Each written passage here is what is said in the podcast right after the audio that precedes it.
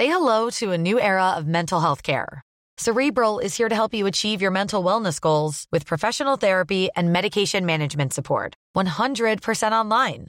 You'll experience the all new Cerebral Way, an innovative approach to mental wellness designed around you. You'll get a personalized treatment plan from a therapist, prescriber, or both in a safe and judgment free space. Your cerebral therapist or prescriber will outline a customized plan with clear milestones along the way so you can get to feeling your best. With Cerebral, you're not alone in your mental health journey. We're here to empower you to live a fulfilling life. So take that first step towards a brighter future and sign up today at cerebral.com slash podcast and use code ACasts to get 15% off your first month. Offer only valid on monthly plans. Other exclusions may apply. Offer ends July 31st, 2024. See site for details.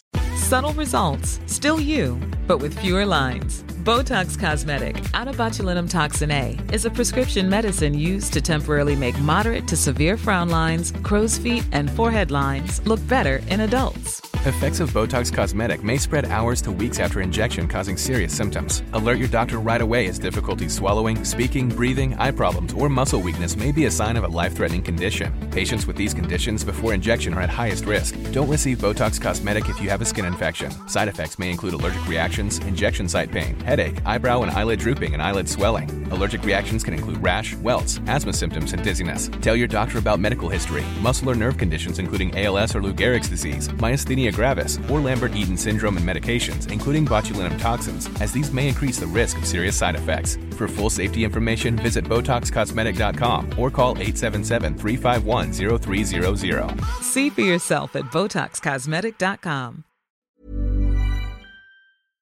Välkomna tillbaka alla poddlyssnare, Hugo och en fantastiskt fin publik som vi sitter framför idag och eh, ska utföra den här podden med. Ja, skitkul. Andra gången vi livepoddar. Ja, och den här podden gör vi i samarbete med Babyshop och vi befinner oss i deras fantastiska butik i Sturegallerian idag. Vi har bjudit på en liten frukost och vi har fantastiskt mycket fina barn framför oss. Och så jag tycker att vi, jag tycker vi kör igång. Yes.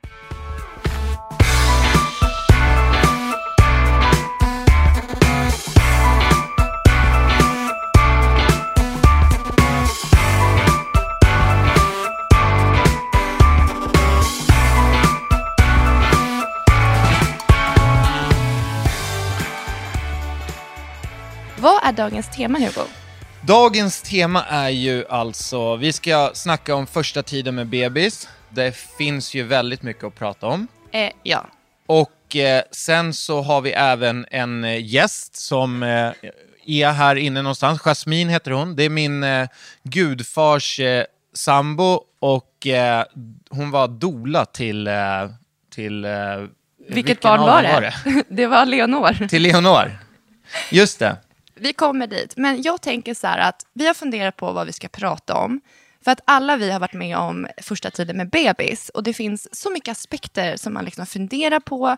Man känner enormt mycket, både märkliga känslor och positiva känslor. Men det är någonting som jag har funderat på som jag aldrig har frågat dig. Så Vadå? jag tänker att jag börjar hela den här podden med att fråga dig den här frågan som jag aldrig har frågat men som jag har funderat på. Är du redo? Ja, 100 procent. Jag känner ju så här. Jag har ju en känsla av hur jag har uppfattat mig själv under graviditeten. Jag har gått upp i vikt. Jag har blivit personlighetsförändrad. Du har varit med i mina förlossningar när jag har legat med mitt sköte för allt i världen. Alltså, jag har ammat, jag har läckt. Alltså, jag har bondat med en bebis och du har typ suttit på en stol bredvid. Jag har varit plufsig, jag har varit vätskefylld, jag har varit hemsk. Jag har känt mig äcklig, snuskig. Alltså, jag har känt mig så dålig. Och där någonstans så har du liksom levt i en relation till mig. Och då har jag alltid funderat på, tycker du också att det har varit äckligt och snuskigt? Ja men typ, alltså hur tyckte du det var när vi låg första gången? Alltså tyckte du att det var mysigt? Hur går snacket när du pratar om det här typ med dina killkompisar? Säger du, nej det var så äckligt? Eller vad säger? Alltså, vad Och det är nu du? jag ska vara 100 procent ärlig. Jag skulle uppskatta det, men du kan ju vara lite snäll Ja, också. alltså, vet du det, så här, jag, jag eh, skulle ju ljuga om jag sa att eh, de här nättrosorna man får på BB är sexiga. Nej, Sen så så här, speciellt med Molly skulle jag vilja säga, märkte jag av en personlighetsförändring av dig under graviditeten. Och eh, alltså jag kan, ju, jag kan ju ta ett exempel. Vi var ju väldigt unga då. Och eh, du gick ju upp eh, väldigt mycket i vikt, vilket man såklart gör. Och eh, vi skulle, jag vet inte vilken vecka det här var i, eh, men, men Paula skulle, vi skulle gå ut på, vi skulle gå ut och träffa kompisar. Vi skulle bovla, jag sitter i soffan hemma, jag är redan klar. Eh, Paula är ganska tidigt stadie av graviditeten. Det, det har liksom bara börjat eh, lägga på sig några kilon så att, eh, eh, så att kläderna, dina vanliga kläder började inte passa. Eh, och Paula går omkring hemma och hon letar efter sina jeans som hon jättegärna vill ha. Och, eh, eh, och jag sitter i, i soffan och jag hör bara det här att, att Paulas andning blir högre och högre och jag tänker snart så kommer det liksom. Och sen så till slut bara, vart fan är mina jeans? Och jag sitter där, ja, eh, jag vet faktiskt inte, vilka är det då? Och jag hjälper bara till att, att hitta dem. Eh, de passar inte, vi löser det till slut, men sen så slutar det med att du bryter ut, alltså du bryter ihop, du börjar gråta och eh, du tycker att du känner dig ful och, och tjock och ja, du tycker inte alls att det är kul, du vill inte gå och bovla längre. Eh, jag tröstar dig och liksom eh, berättar att eh, du är jättefin och fan nu, nu går vi och har kul med kompisar. Vi drar och bovlar. Jag har hur kul som helst. Dricker alkohol, och blir full och bara... Alltså jag tycker livet, livet leker för Hugo Rosas. Helt plötsligt så pratar inte Paula med mig längre. Och jag tänker så här, aha, vad har jag gjort nu då? Det utbryter någon form av tjafs där. Jag, jag är ju rätt... Eh, jag är ju ganska omogen också, så jag tänker så här, det här ska inte få förstöra min kväll, så jag drar ut och festar. Eh, Paolo åker alltså hem. Sen så vid tre så stapplar jag in hemma och tänker så här, fan jag, jag lägger mig nog i soffan. Eh, det är inte värt att, att, att väcka björnen som sover.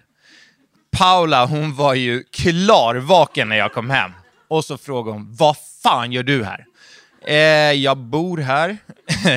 Vet det. Och eh, då frågade jag sig, jag bara, men du, vad var det som hände? Varför slutade du prata med mig? Och då sa hon det. Ja, men vad fan tror du? När du gick runt och hånade mig hela kvällen och blåste upp kinderna så här.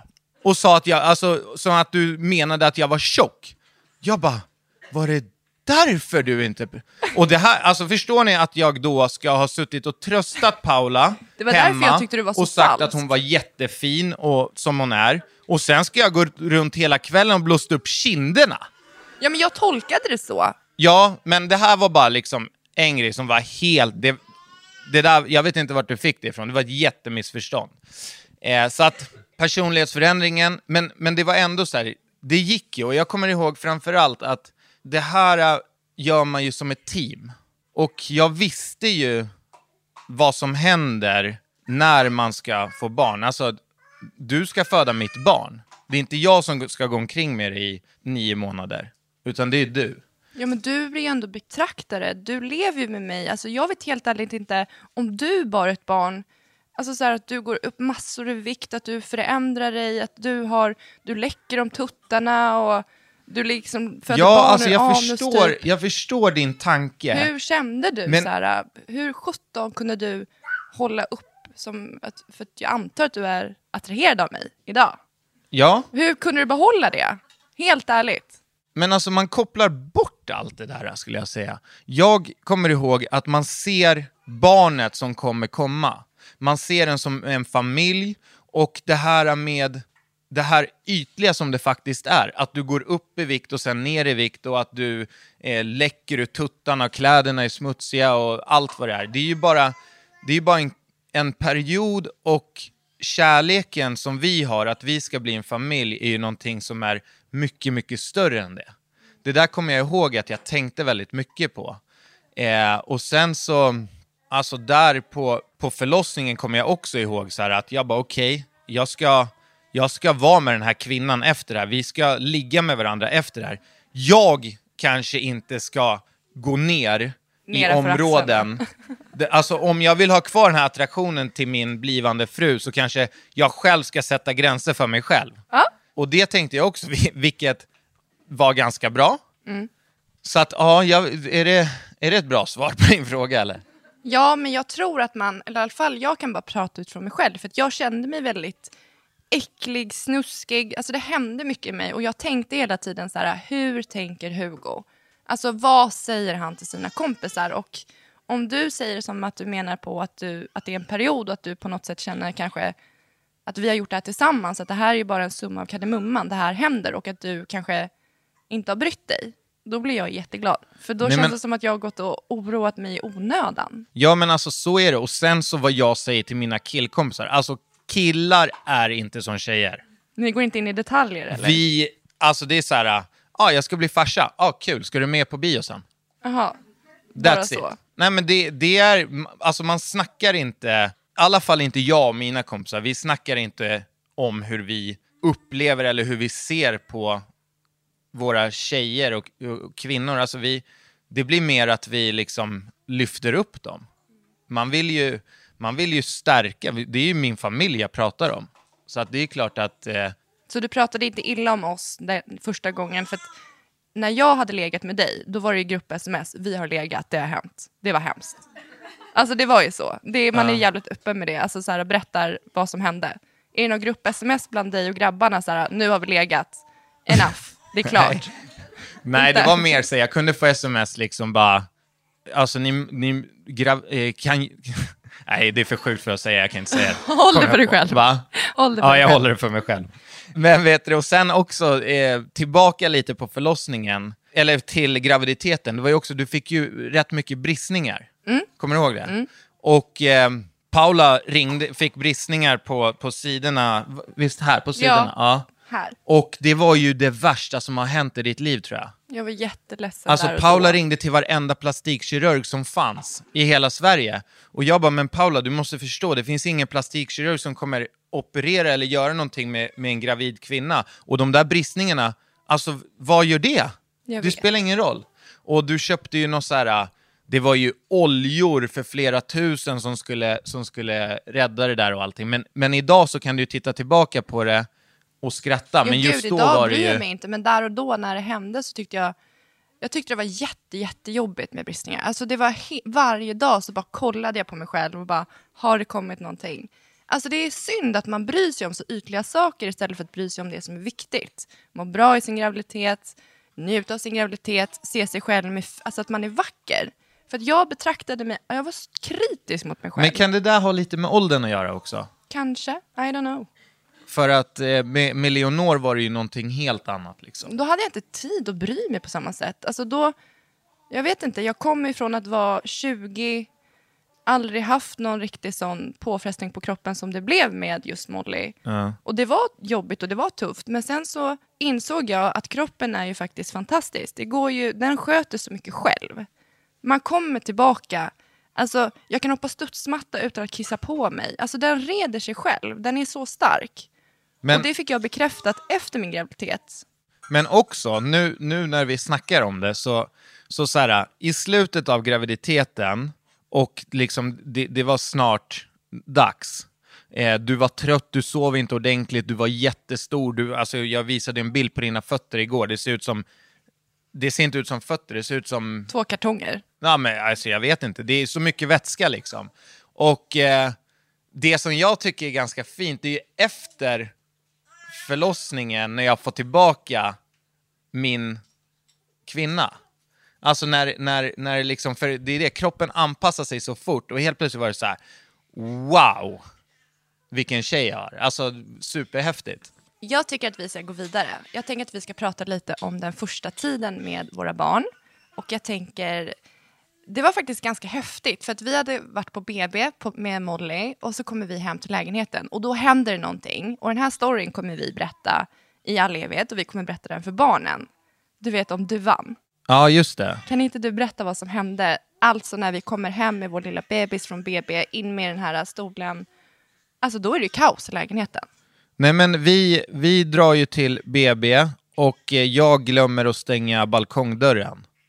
Så att på balkongdörren så är det ju så här, för att inte dörren ska, ska slås upp så är det ju en sån här grej vid kanten liksom. Det blir som en glipa mellan, mellan dörrkarmen och eh, själva Ja, ansatsen. väggen. Ja, men så vet du, när vi kommer hem så kommer jag, jag går in först och jag ser att det är grenar och, och grejer i hela lägenheten. Det är iskallt och vi bara, vad är det som händer? Det ligger fjädrar på golvet och vi bara, vad är det som har hänt här inne? Och sen så ser jag, går jag till balkongen och så ser jag en duva som har byggt ett bo uppe på våran balkongdörr. Och Alltså ligger det är där och ugglar. fågelinfluensan i hela vardagsrummet och här kommer vi med våran bebis som är precious. Alltså det var så läskigt. Och eh, jag är ju inte, det är ganska kul också, jag är ju inte så här, bara, fan jag tar ner duvan som, eh, som mannen i hemmet. Jag sprang ut. Hugo är alltså livrädd för fåglar och fiskar. Och jag vågar inte göra någonting så vi satt, vi satt Ja, i vi slutade med att vi ringde En min kompis. kompis. som fick komma och, och ta bort den där duvan. Liksom. Men, men alltså summan av kardemumman, när man go vi googlade ju det här. Och duva betyder, det betyder tur eller lycka, Lycka. eller något sånt där. Lycka, det är så symboliserar Vilket lycka. var rätt fint. Eh, och den där duvan trodde ju att han bodde där, så att när vi hade skickat ned bot för balkongen, alltså duvan fortsatte ju komma i två veckor. Den Bara, vad fan är mitt sitt hem? Så det var en väldigt fin så här, symbol. Det var det första som hände när vi kom hem med vårt barn. Och det kändes, jag, jag bär kvar det och känner att det var en mening och att, ja men framförallt att det var, Molly var absolut inte självklar. Vi var så unga, hon var inte planerad. Men det tecknet, det kändes verkligen som att det här kommer gå bra. Ja, verkligen. I Jag håller det med. tecknet med duvan. Eh, men så gick det bra sen då, eller? Alltså jag skulle säga att i och med att vi var tvungna att ta i hand på att ens vara tillsammans under de två första åren. Alltså jag, nej, det gick inte bra. Mellan dig och mig. Eh, alltså, med, nu är vi inne på Molly, eh, vår äldsta dotter som är fyra, och eh, första tiden var ju extremt hård. Det var tufft. Eh, och jag fattade ingenting. Jag var så redo under graviditeten. Sen kom Molly och jag var ju, alltså det tredje hjulet och jag kände mig så missplacerad. Så att eh, jag, jag, jag, jag bara, fan är det så här det ska vara att, att ha barn? Då, då, då ger jag upp. Innan det ens hade börjat. Ja, Men vi har summerat att vad är egentligen den första tiden handlar om? Och vi tänkte säga den i punktform. Vi har kommit överens om att det handlar om sömn, kost, bebis, pusslet, sex, irritation, amning, beslut, egentid och kärlek. Vad har du att säga om sömn och den första tiden? nej men det var ju helt sjukt. Vet du det, det var ju, alltså det var ju bajs och gråt och, och hon, alltså hon skulle ju käka, det var hela tiden. No shit, det är en bebis. Ja, Alltså, men alltså man är ju inte beredd på den där käftsmällen.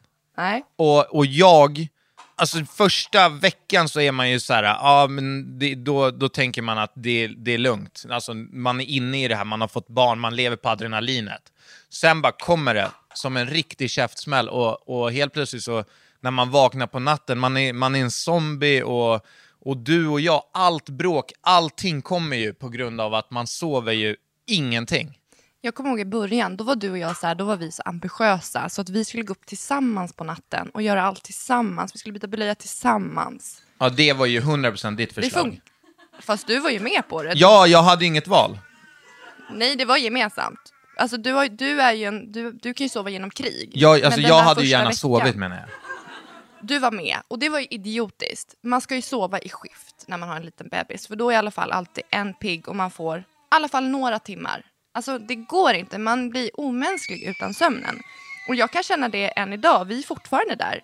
Vi hade en sån här äh, håll käften-natt bara i förrgår. Sömnen, det är ingenting man kan räkna med. Man ska bara vara glad den dagen man får sig en någorlunda bra sömn. För att, ja, så här är det några år till. Ja. Hur känner du kring kosten? Alltså här med kosten, första tiden. kosten för, på, på, för oss själva. Ja, alltså jag kommer bara ihåg att det var rent kaos. Att få in rutiner, man käkade än idag, jag vet inte om jag fortfarande lever i den här första tiden för jag äter sjukt oregelbundet. Jag hinner inte äta och Hugo fattar aldrig när jag säger till dig, alltså jag har inte hunnit. För det är liksom det viktigaste i ditt liv. Jo men alltså jag käkar och sen gör jag allt annat. Jag gör allt annat och sen käkar. Ja, om du än käkar. Jag lägger ju alltid, alltså jag kokar jag ägg så kokar jag ägg till dig också. Men jag vet att när jag kommer hem då kommer jag kunna äta de där äggen för du kommer inte ha rört dem. Ja, det är det. Så jag tror att jag fortfarande är i första tiden när det gäller kosten. För att jag tycker att det blir svårt, för att jag prioriterar allt annat, allt göra, frukosten till dem, sen ska man gå och då har inte jag hunnit äta. Jag tycker det är sjukt svårt. Och då känner jag så här, i första tiden, alltså det finaste man kan ge till någon som precis har fått barn, det är mat. Alltså kommer man som familjemedlem eller vän eller släkting, kom med mat för att man blir så glad för att man hinner inte. Kom gärna med frysboxar så att man kan frysa in mat. Men än idag. Än idag, kom med mat. Alltså, kommer Då blir vi mat? jätteglada. Finns kom med ingen, mat Mika. finns ingen gladare än mig. Och bebis. Det handlar ju otroligt mycket om den fantastiska bebisen. Ja. Hur kände du kring den första tiden och en bebis? Eh, jag återigen tillbaka på Molly. Varför jag går tillbaka på Molly är för att jag liksom... Eh, allting gick så, så felfritt och så bra med Leonor. Eh, så att jag tänker ju så här, med, med Molly så tänkte jag att jag kommer aldrig skaffa ett till barn. Och eh, jag... Eh, alltså det känns hemskt att jag, att jag sitter här, men, men jag, jag tycker att det är så här mycket... Det, det är så mycket hysch-hysch på att man ska känna så mycket kärlek den första tiden. Eh, och jag gjorde verkligen inte det. Jag, jag eh, tyckte bara Molly var sjukt jobbig. Alltså jag tyckte liksom första tiden, jag tyckte inte att hon var speciellt söt. Eh, nej men det, alltså jag är bara helt ärlig nu. Och eh, jag tyckte, tänkte så här att jag har ju mycket roligare saker att göra än att vara tredje hjulet hemma när jag ändå inte... Alltså, så fort jag håller Leon, eh, Molly så gråter hon. Hon vill bara vara med mamma. Eh, det en, enda gången jag ska finnas där, det är när det ska bytas bajsblöja och eh, vaggas om på natten typ. Så att min första tid med Molly var extrem för mig. Och det här kommer jag ihåg för att när vi blev gravida med Leonor och typ veckan innan hon kom så ringer du mig och är superorolig, du är ledsen. Du bara, kommer det bli så här som det var med Molly? För att både jag och han har ju upplevt det, det var väldigt tufft. Och då på något sätt förknippar man det med, så kommer det bli igen. Men det blev helt annorlunda. Alltså, du uppskattade ju Leonor som bebis något enormt. Ja, helt. Alltså hur, hur sjukt annorlunda det kan vara från barn till barn. Och precis som du säger, jag ringde Paula. Jag, jag är alltid ganska så här lugn och, och går på min magkänsla och, och tänker att saker och ting löser sig jämt. Och så har det varit med, med graviditeter och, och barn också. En vecka innan Leonor kom, då freakade jag ur. Och det var för att jag kände att vi hade kommit någonstans med Molly. Hon var blöjfri, hon gick på förskolan. Alltså vi började få tillbaka vårt liv hemma. Och nu skulle det komma en till sån där unge som, som Molly som kommer bara sätta käppar i hjulet för allt. Och då, tanken på det fick mig att liksom, fan jag kommer inte palla det här, går det att ångra sig? Eh, och då ringde jag dig och vi snackade säkert, det var nog ett av våra längsta samtal genom tiderna. Eh, tre timmar säkert. Och du fick ju mig verkligen att så här, okej, det, det, det kommer gå bra liksom. Du lugnade mig verkligen. Och eh, när Leonor kom, alltså jag kände, det jag inte kände med Molly, det var helt tvärtom med, med Leonor. Och jag tror att det har att göra med dels att jag var äldre, jag var, jag var, liksom, jag var med på ett annat sätt. Och det var, det var kärlek på en gång. Och jag kunde även känna den här harmonin hemma med Leonor första tiden. Jag ville inte, jag ville inte sticka, jag ville inte dra och spela golf. Jag, alltså jag, Jag kommer till det där med golfen. jag, Lyssna på det här jag sen. ville vara hemma med familjen. Och det var, det var en så jävla härlig känsla. Ja, men det är bra att du kände så efter två år. Det här med sex då och första tiden. Alltså jag kan känna så här, vem prioriterar sex framför en lång dusch? Alltså inte jag. Jag vill duscha, egen tid. Alltså, jag visste inte ens vad ordet egen tid betydde innan jag fick mina barn. Man hade ju egen tid från att man gick upp till att man gick och la sig. Man hade bara sig själv. Så då liksom, när Hugo liksom ska försöka ligga med mig, jag bara, alltså barnet sover. Jag har egen tid. Vadå, försökte jag göra det? Ja men alltså sådär, jag kan känna att sex och första tiden, det var så orelevant för att det fanns så mycket annat. Det fanns, man var tvungen att vara effektiv, man var tvungen att städa, man var tvungen att ta hand om barnet. Och om man hade liksom en kvart över, då tog jag ju duschen framför att ligga. Ja. Alltså det kan man göra. Ja, det var inte så mycket sex i början eller? Nej, alltså absolut i första tiden. Och det, det kan ha för att jag kände mig väldigt obekväm Ja. i kroppen. Jag tyckte det var jobbigt. Alltså jag tyckte det var sjukt jobbigt till det där som jag sa, att jag kände att det var snuskigt, att det var pinsamt, att det var plufsigt. Jag kände mig inte som mig själv. Så då var jag väldigt så här reserverad, bara, nej men alltså gå och krama någon annan. Jag vill inte. Jag gick och sexade med mig själv. Ja, man ska aldrig underskatta sexet med sig själv. Eh, irritation känner man ofta, alltså än idag. Jag vet inte om vi fortfarande är kvar i det här, eh, i den här Alltså första vi tiden. är ju, eller du är ju väldigt irriterad på mig ofta. Ja, så det, jag, vi kanske är, liksom, vi är nog kvar i första tiden med barn, fast att de är fyra och två. Ja. Fast vi löser det på lite annorlunda sätt nu. Ja. Men det är lite som jag sa till dig igår, att du är ju som ett moln.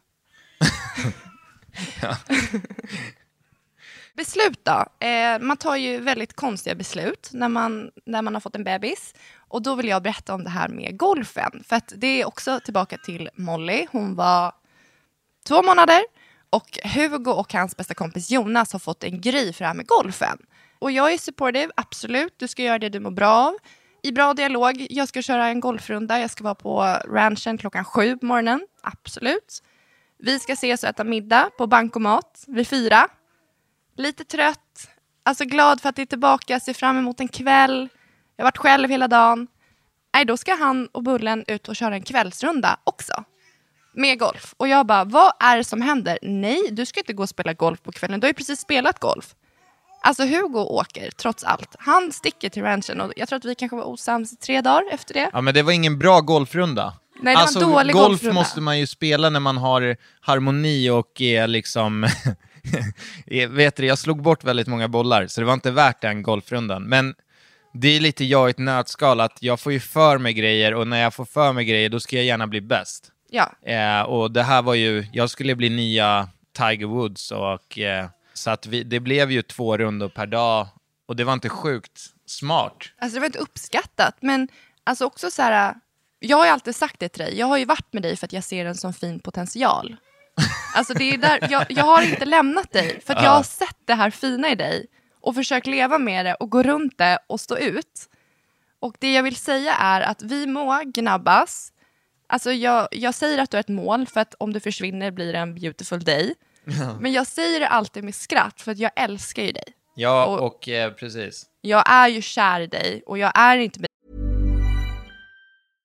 Hey, I'm Ryan Reynolds. At Mint Mobile, we like to do the opposite of what Big Wireless does. They charge you a lot, we charge you a little. So naturally, when they announced they'd be raising their prices due to inflation, we decided to deflate our prices due to not hating you. That's right. We're cutting the price of Mint Unlimited from $30 a month to just $15 a month. Give it a try at mintmobile.com slash switch. $45 upfront for three months plus taxes and fees. Promo rate for new customers for limited time. Unlimited more than 40 gigabytes per month. Slows. Full terms at mintmobile.com. The number one selling product of its kind with over 20 years of research and innovation. Botox Cosmetic, out of botulinum toxin A, is a prescription medicine used to temporarily make moderate to severe frown lines, crow's feet, and forehead lines look better in adults. Effects of Botox Cosmetic may spread hours to weeks after injection, causing serious symptoms. Alert your doctor right away as difficulty swallowing, speaking, breathing, eye problems, or muscle weakness may be a sign of a life threatening condition. Patients with these conditions before injection are at highest risk. Don't receive Botox Cosmetic if you have a skin infection. Side effects may include allergic reactions, injection site pain, headache, eyebrow and eyelid drooping, and eyelid swelling. Allergic reactions can include rash, welts, asthma symptoms, and dizziness. Tell your doctor about medical history, muscle or nerve conditions including ALS or Lou Gehrig's disease, myasthenia gravis, or Lambert-Eaton syndrome and medications, including botulinum toxins, as these may increase the risk of serious side effects. For full safety information, visit BotoxCosmetic.com or call 877-351-0300. See for yourself at BotoxCosmetic.com. Don't you love an extra $100 in your pocket? Have a TurboTax expert file your taxes for you by March 31st to get $100 back instantly. Because no matter what moves you made last year, TurboTax makes them count. That means getting $100 back and 100% accurate taxes only from Intuit TurboTax. Must file by 331. Credit only applicable to federal filing fees with TurboTax full service. Offer can be modified or terminated at any time. dig för barnens skull. Jag är ju med dig för att jag vill vara med dig. Och i allt det här, alltså de påfrestningar vi har gått igenom, det jag har känt, du har alltid funnits där för mig. Du har alltid stöttat mig. Du har aldrig sagt någonting elakt till mig. Det är snarare tvärtom. Och jag vill tro att har man barn, då förenas man. Alltså, det finns ju ingen som älskar så mycket som du och jag i våra barn. Eh, nej, men det är precis som du säger. Och, och jag tror också att det är det som liksom, varför vi, varför vi håller ihop och är, jag, jag, i alla fall jag är ju kär i dig. Men jag Eh, sa ju precis att jag också var det. eh, är ju för att vi, vi är ju fortfarande väldigt unga och vi har kärlek, vi har väldigt mycket kärlek. När vi bråkar så gör vi det väldigt mycket. När vi leker så gör vi det väldigt mycket. Allting blir väldigt mycket och tillsammans så, så i slutändan så blir allt det där en enorm kärlek som vi har inom familjen. Absolut. Och vi har, vi har hittat en gemensam glädje och vi är, jag anser att du och jag är ett väldigt starkt par. Eh, jag vill tro att har man klarat allt det här, vi, slog i hand, alltså vi tog i hand på att vi inte skulle göra slut på två år och de två åren har blivit sex år. Och de sex åren ska förhoppningsvis bli tio år. Ja, men alltså vi, jag, jag sa, jag tror jag skrivit det förut, att vi ska eh, begravas i, i samma begravningsplats. Ja, Med- men jag ligger högst upp. Du får, li- du får ligga vart du vill. Jag lovar dig. Jag kommer inte tänka så mycket på det då. Jag tänker att vi, vi befinner oss ju faktiskt i en, eh, i en butik som har väldigt mycket prylar. Så att vi tänkte bara gå igenom ganska snabbt för att, jag vet inte, vi köpte allt man kunde inför det här första barnet. Alltså vi köpte så mycket onödigt. Så vi tänkte egentligen bara gå igenom det här med vad vi upplevde var sjukt onödigt och så, vad som var nödvändigt. Alltså det finns ju så sjukt mycket bebisgrejer på marknaden. I love it. Alltså alla möjliga prylar. Vi köpte ju så här äh, elektriska gungor och det var ju amningskuddar och det var, alltså, du vet, idag när man tittar tillbaka så är det så här att det man behöver det är typ några uppsättningar kläder, en filt på golvet, Varför då? en babysitter. Men alltså, all, all, så här, jag kommer ihåg, vi köpte, så, vi köpte jättemycket kläder i storlek 56 till exempel. Alltså barnen är i 56 i tre dagar. I know.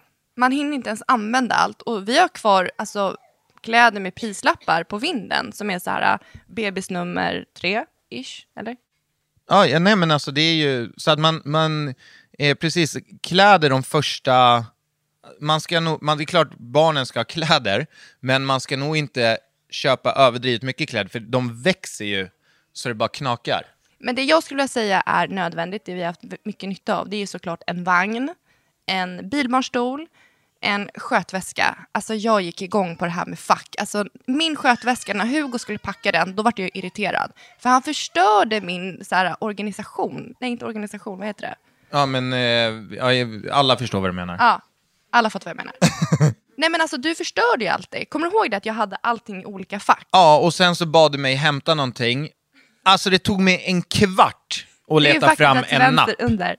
Det var så här fuck överallt. Så att jag vet att du går igång på, Ja. på skötväska. Ja.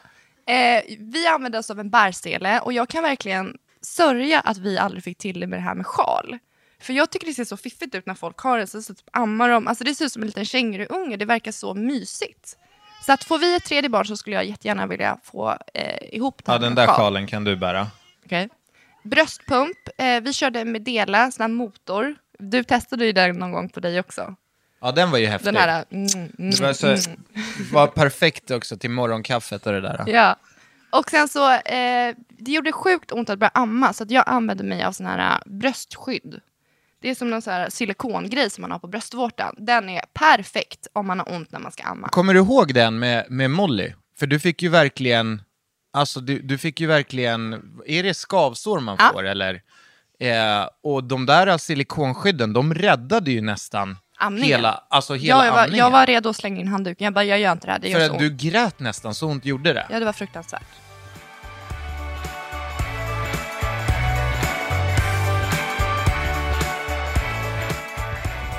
Ja, men vi går vidare i schemat. Och nu är det dags att ta upp vår gäst som jag pratade om tidigare, Jasmine. Hej, Eh, jag heter Jasmine och eh, jag jobbar som barnmorska på BB Stockholm sedan eh, ja, ganska länge tillbaka. Och var även med på Hugo och Paulas förlossning med Leonor. Jasmin, jag tänkte att eh, det här är jätteintressant. Eh, du är barnmorska och eh, det finns ju hur mycket frågor som helst. Så att vi tänkte att vi ska fråga dig lite saker som du förhoppningsvis kan ge bättre svar eh, på än vad jag och Paula skulle ge. Paula, vill du dra första frågan? Du var ju som sagt våran dola. Och jag tänker att du kanske vill berätta vad en dola är och hur det kommer sig att du blev våran dola med Leonor. Mm. Vi lärde ju känna varandra redan innan eh, Molly föddes. Eh, och då träffade jag faktiskt dig också under ditt verkarbete. Det var första gången vi sågs. Eh, men då var, jag inte, då var jag på jobbet när du födde. Eller när ni födde. Men eh, mm, sen så träffades vi vid flera tillfällen efter det. Och eh, det var när du var gravid med Leonore. Och då berättade du för mig att du kände dig väldigt orolig och rädd inför förlossningen och att du kände att du var rädd att du skulle bli lämnad ensam och så. Och nu för tiden som ni känner till på förlossningarna så är det svårt att vara, ha en födande i taget.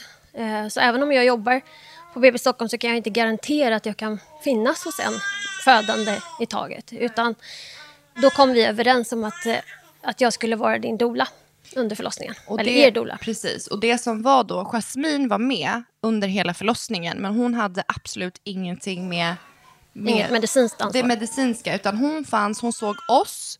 Och det kändes som att du pratade mycket med Hugo. Du pratade mycket med Hugo och sen så hur han på något sätt skulle prata med mig.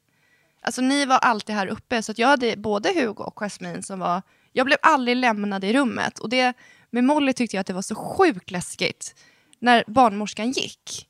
För att jag bara, nej men alltså nu händer det, nu, nu kommer bebisen. Det kändes som att så fort, alltså då kunde inte jag kontrollera andningen. Då, fick jag, då blev jag nästan så här hyper, hyperventilerade. Och så fort barnmorskan kom tillbaka så blev man lugn. Så att det var helt fantastiskt att du ville ställa upp som det och erbjöd dig att vara vår doula. Och jag är oerhört tacksam för Tack det. så mycket. Det har varit en fin upplevelse. Ja. Jag kan förklara också vad en doula är. Innebörden är att det är en, en kvinna som stödjer en familj vid eh, födandet. Alltså man har inget medicinskt ansvar utan man bara befinner sig i, och har ett kontinuerligt stöd ända tills barnet är fött. Det är så du vet det. Mm? Eh, jag har ju eh, en fråga. Mina frågor kanske är lite konstiga. Jag hoppas inte det. Men, men jag undrar om det finns manliga barnmorskor. Mm. Det finns ett fåtal faktiskt. Det finns det. Ja. Just nu har vi ingen på BB Stockholm. Vi har haft eh, två manliga. Och det, funkar, det, funkar det bra? Eh, de, de har fått väldigt positiv eh, bemötande från Ja. alla våra kvinnor. Ja, vad kul. Och sen så undrar jag eh, hur du tycker att det är att arbeta som barnmorska. Ja, det förstår ni ju själva att eh, barnmorskeriet är ett helt fantastiskt yrke. Jag har ju förmånen att vara med när barn föds nästan varje dag. eh, Och det går inte att förklara. Och det blir inte så att det blir mindre fantastiskt för varje gång. Utan det är helt magiskt att få göra det. Sen så, det som vi skulle önska, många av oss barnmorskor som jobbar ute nu, det är precis det att vi skulle älska att ha en födande i taget, vilket inte finns möjlighet för nu för tiden, utan man måste ofta ha två eh, samtidigt. Men förhoppningsvis så kommer, att vi, kommer att för, eh, vår situation att förändras nu när vi får mer pengar av landstinget förhoppningsvis. Men annars är det ett helt fantastiskt yrke. Så att förbättra förlossningsvården eh, och arbetsförhållandet för barnmorskor, det är via finansiering. Det är det som saknas ifrån landstingen. Ja. Och framförallt så är det för kvinnorna Ja, för att, och, och barnen. För att eh, i alla studier som finns så är det jättetydligt att, eh, man minskar risken för komplicerade förlossningar när man har kontinuerligt stöd Ja. eh, under förlossningen. För Eh, så det att är det, det skulle så. gynna oss barnmorskor och framförallt kvinnorna och barnen. I Stockholm så har ju två förlossningskliniker stängt ner på bara ett år. Hur många barn föds det på, ett år? Ungefär? Jag kan inte siffrorna precis just Nej. nu, men eh, det saknas ungefär mellan 3 och 4 000 förlossningsplatser i Saknas Stockholm. Så mycket. Och det, vadå, det är i, i hela Sverige eller? I Stockholm. I Stockholm? Oj, ja. Min nästa fråga då. Hur lång tid tar den genomsnittliga förlossningen? För en förstföderska. För en först, förstföd, Ja, det är, lite, det, är, det är mellan 12 och 18 timmar brukar man definiera en normalförlossning för en, en förstföderska. Men det kan ta allt ifrån tre timmar upp till ett dygn. Det är väldigt Men individuellt. vad, och vad innefattar de eh, 12 till 18 timmarna? Alltså vad är det som är i, i det? Ja, det, det, kan man säga att det är alltså, latensfas, aktiv fas och själva efterbördsskedet. Men, men eh, den aktiva fasen kan man säga egentligen. Det är när man är öppen, ja. när man bedöms vara i den här aktiva fasen från man är öppen 3 centimeter och har tre okay. på 10 minuter eller en vattenavgång. Så efter, när man är öppen 3 centimeter, då börjar den aktiva fasen? Ja. Det här är jätteviktigt för oss att definiera, att, att, för då börjar vi att vi arbetar efter ett partogram. Eh, man skriver in eh, patientens öppningsgrad eh, i förhållande till bebisens nedträngande mot en tidsaxel. Så då vet vi när vi måste göra interventioner. Så att det inte blir ett för långdraget förlopp, helt enkelt.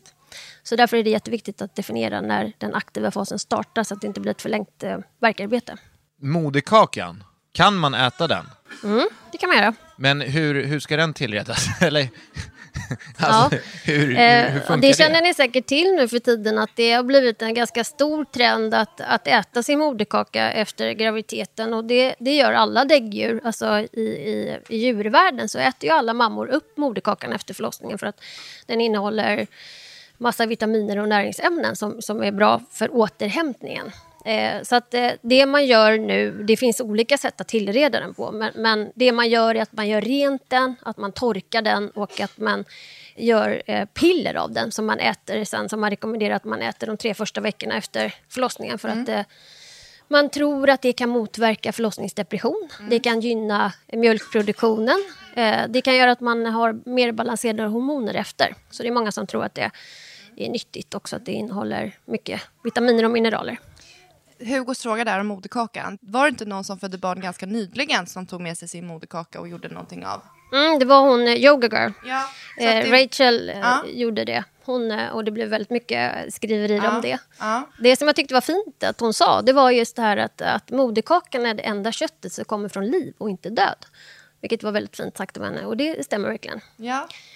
Så att, ja, man får göra lite som man vill. Man får gärna ta med moderkakan hem och tillreda mm. den. Just nu finns det dolor som arbetar med att göra det där. Mm. Ta hem moderkakan och göra eh, vitaminpiller utav den. Mm. mm. Vad säger du Paula? Nästa? ja, det kan du äta. Att föda barn, är det en mardröm? Ja, vissa kan säkert tycka det, men eh, de flesta gör det inte. Eh, inte i alla fall där jag jobbar. Eh, vi har ett mätinstrument. Eh, vi frågar alla kvinnor efter förlossningen och männen också hur de upplevt sin förlossning. Och, eh, då får man vasa på en skala mellan 1 och 10 eh, vad man tyckte om sin förlossning. Och, eh, på, på BB Stockholm så är det över 80% som vasar över 8 till 10, alltså att de tyckte sin förlossning var så bra. Och de andra som har eh, Vasa mellan 1 och 3, de är vi väldigt noga med att följa upp och se till att de får uppföljning och eh, hjälp inför nästkommande förlossning. Det är ju fantastiskt att det är så pass bra betyg. För att utifrån mig själv, alltså det var ju fruktansvärt och det gjorde jätteont. Men samtidigt så är det ju det häftigaste jag varit med om. Alltså det, man blir ju så taggad. Jag skulle vilja göra det igen bara för att få uppleva känslan. Men det är nog det här att det är sån blandning mellan alla möjliga typer av känslor som gör att det blir så spännande och fascinerande. Här är vår sista, eh, den sista myten. Alla kvinnor spricker när de föder barn och sen blir man aldrig sig lik. Stämmer mm. det? Ja, nej. Många kvinnor brister under förlossningen, det, det, gör man. Men, men man har också ett graderingssystem här. Man graderar förlossningen mellan 1 och 4. Och eh, grad 1 till 2 är mindre bristningar som barnmorska kan sy. Och det är också eh, det, det, största antalet. Sen så finns det ett fåtal kvinnor som får större bristningar i, i ändtarmsmuskeln som behöver sys på operation av läkare. Men det, det, är, och, det är ett fåtal.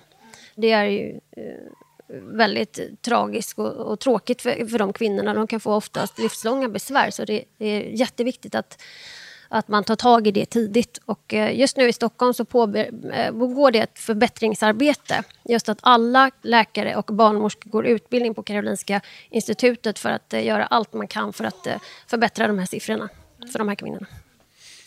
Ja, men vet du det, och jag har bara en sista fråga som jag, jag måste liksom få, få svar på. Och eh, jag är ju eh, jag är väldigt fascinerad av eh, bajs. Och eh, jag undrar liksom, alltså är det så här under förlossningar att eh, alltså bajsar, bajsar alla på sig eller hur, hur funkar det? Alltså, jag, jag, det jag, förlåt, men jag måste få veta det. Ja, eh, ja just, jag kan bara säga till alla kvinnor här ute att vi barnmorskor, vi, vi, vi, tänker inte ens på det överhuvudtaget. Det är någonting som sker och vi, gör bara, vi bara tar bort det utan att tänka på det överhuvudtaget. Många kvinnor upplever ju det här som en otrolig kontrollförlust och vem gör inte det? Vem skulle vilja göra på sig offentligt? Så det där är vi noggranna med att, med att eh, se till att när det sker, vilket det ofta gör, då sköter vi det snyggt och det är ingenting som vi pratar om. Men eh, förlossningskanalen där barnet föds, det går bakåt mot rumpan och sen fram. Så att det trycker mot tarmen på vägen ner. Så det är nästan oundvikligt att man inte gör det. Alla gör inte det, kan jag säga. Alla gör inte det. Men om man känner att man tycker att det här känns oerhört obehagligt och så, så kan man ju be barnmorskan om hjälp eller att man får ta någon form av lavemang om man tycker att det Ofta så kan jag säga att det är många kvinnor som inte bryr sig ett dugg om det under själva förlossningen utan då har man kommit så långt i sitt verkarbete att man bara ser fram emot att bebisen ska komma. Så att det blir ingen issue i, i slutändan. Men för jag kan känna det, det, jag var jätteorolig över det. Det är det enda man tänker på. Och sen när man börjar närma sig förlossningen, jag bara, men gud jag måste raka benen, jag måste raka fiffi, jag måste färga håret, jag måste göra naglarna. Jo, jag gjorde mig typ fin. Och jag vill tro att barnmorskan inte bryr sig ett skvatt om hur man ser ut eller vad man inte har gjort eller om man är rakad eller inte. Men det kanske bara är en grej för kvinnan att man håller på sådär. För egen del så kan jag efter, efter alla tusentals förlossningar som jag har så har jag ingen aning om de kvinnorna är rakade eller inte under livet. Jag är inte fokuserad på det utan jag fokuserar på hur mamman och barnet har det och att eh, ja. jag gör, gör, mitt bästa för att de ska ha det bra. Sen hur de ser ut det är helt ointressant för oss. Mm. Så tänk på det till nästa gång. Skit i det där. Vi får se ut precis som vi vill. Det är inte viktigt. eh, ja, och med det sagt så tackar vi Jasmin jättemycket för att eh, du ville vara med. Nu har vi kommit vidare till vår sista punkt, nämligen fem snabba frågor. Och eh, Vi har tagit er lilla box och vi kommer bara vi bara kör. Vi kör varannan lapp. Ja, vi har fått frågor här alltså? Ja. Så kör vi? Ja. Okej. Då ska vi se. Vilket barn var du mest lik personlighetsmässigt när du var barn? Eh, jag, jag och Molly är ju rätt lika. Och, eh, så att jag, jag svarar Molly. Vi är ju exakt lika klumpiga. Så att jag är ju så här, jag blir ju inte ens arg på henne när hon eh, spiller ut ett glas på bordet eller tar sönder mina grejer för att jag vet att efter fem minuter så är det jag som tar sönder ett glas eller tar sönder hennes leksak för att jag skulle laga den. Det är åt båda hållen för er. Precis. Nej, men jag känner också det. Alltså, Hugo och Molly är extremt lika. Alltså, så, både utseendemässigt och personlighetsmässigt. Och mina egenskaper har inte riktigt blommat upp i henne än. Men det kanske kommer. Men jag ser en potential i Leonor. Hon känns lite, hon känns som mig. Hon är väldigt bestämd. Hon har väldigt mycket humor. Ja, ja alltså det, ja, precis, det stämmer. Men Leonor är ju också, jag tänkte ju så här att vi kan ju aldrig få ett barn som är värre eller vad man säger, vildare än Molly. Det är, det är helt tvärtom. Ja, och så kom Leonor. Alltså hon har ju problem. Så är Hon är bara. vårt vilda barn och Molly vårt lugna. Här fick jag en. Det står bara ni är grymma och ett hjärta. Och då vill jag bara säga att ni är grymma. Det är inte vi, det är ni. Det var ingen fråga, det var bara kärlek. Det kunde ju stått så här, hur, hur, tänk, hur kan du vara så grym, Hugo? Alltså du är så egocentrisk. God. Största skillnaden mellan ett och två barn? Bra fråga. Det blir mer rättvist med två barn. För jag upplevde det hela tiden som att jag gjorde allt. Jag fixade allt. Med två barn, då är det två barn. Då behöver man göra dubbla saker. Vi har alltid ish ett barn var. Och jag tycker det är rättvisare. Vi har liksom slutat tjafsa om det här med vem som bytte blöjan sist, utan man bara gör. Alltså jag håller 100% med. Jag, jag tycker ju typ att livet har blivit lättare med två barn. För de har att... varandra, alltså våra barn de leker. Ja exakt, de har varandra och precis det där du, du säger att man, man, alltså ta vilket barn du vill, du kommer ändå ha ett barn i slutändan.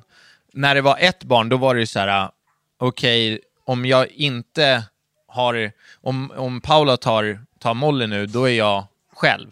Så, och där uppkom ju, för jag var ju själv ganska, lite för mycket kanske, eh, så där uppkom ju rätt mycket irritationen. Nu är det ju, alltså nu är det så här, det är så rättvist det kan bli. Ja, men också så här, för att typ vår äldsta har börjat fått in aktiviteter. Det är simning, det är gympa. Och då är det så här, ja, men vilken vill du ta? Vill du ta middagen eller vill du ta aktiviteten? Alltså ingen får vila och det blir lite mer rättvist och det blir att man känner att vi är mer lika i vårt föräldraskap. Så det är den största skillnaden skulle jag vilja säga. Vad är ert bästa tips i att få lite vardagslyx i livet? Ja, svara du. upp? Eh, träna, älskar att träna, får bara koppla bort allting. För mig är träningen en timme i mitt liv där jag slipper tänka på något annat än att bara utföra en uppgift. För att annars går jag och tänker på så mycket och jag tycker det är skönt att slippa tänka.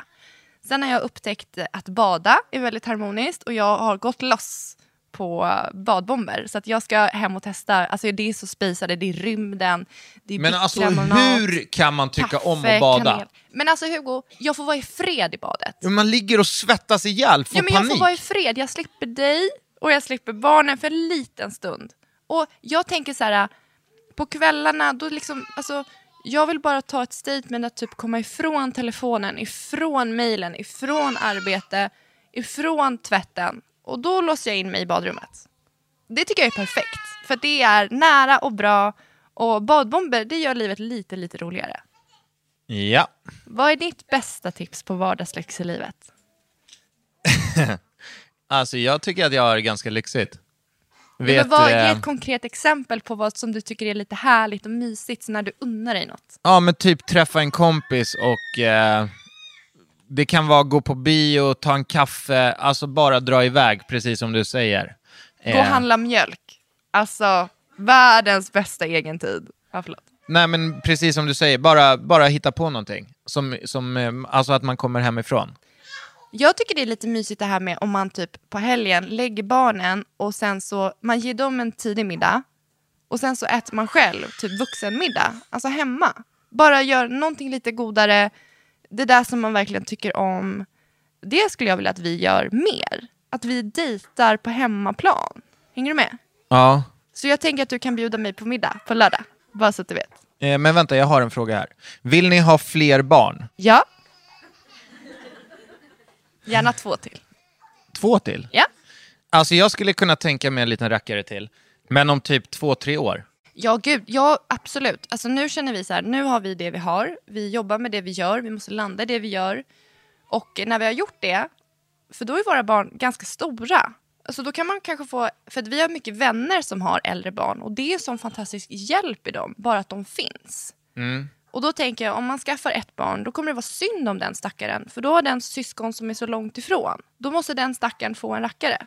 Det är därför jag tänker på två barn, så att det blir som två kullar. Ja, det här är helt sjukt. Men jag, alltså, jag, det enda jag, jag tänker ju att jag gärna skulle vilja ha en, en pojke.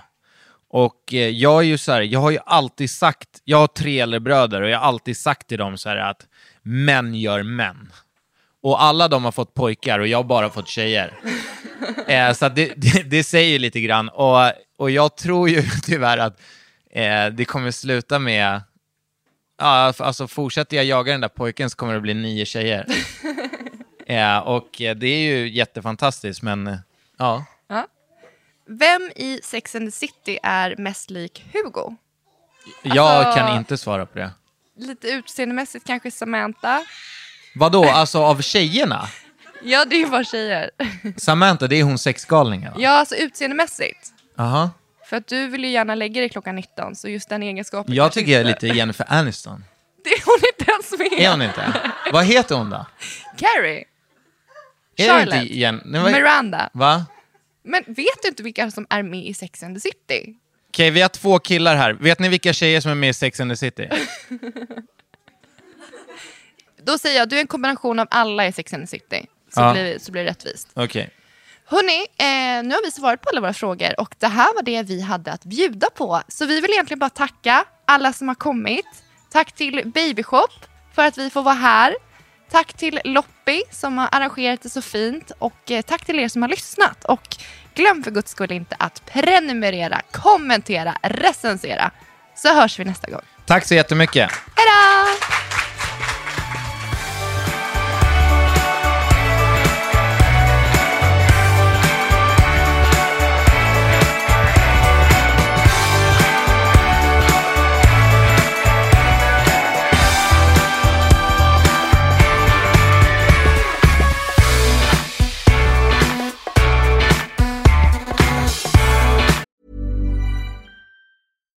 The number one selling product of its kind with over 20 years of research and innovation. Botox Cosmetic, out toxin A, is a prescription medicine used to temporarily make moderate to severe frown lines, crow's feet, and forehead lines look better in adults. Effects of Botox Cosmetic may spread hours to weeks after injection, causing serious symptoms. Alert your doctor right away as difficulty swallowing, speaking, breathing, eye problems, or muscle weakness may be a sign of a life threatening condition. Patients with these conditions before injection are at highest risk. Don't receive Botox Cosmetic if you have a skin infection. Side effects may include allergic reactions, injection site pain, headache, eyebrow and eyelid drooping, and eyelid swelling. Allergic reactions can include rash, welts, asthma symptoms, and dizziness. Tell your doctor about medical history, muscle or nerve conditions including ALS or Lou Gehrig's disease, myasthenia gravis, or Lambert Eaton syndrome and medications, including botulinum toxins, as these may increase the risk of serious side effects. For full safety information, visit BotoxCosmetic.com or call 877 351 0300. See for yourself at BotoxCosmetic.com.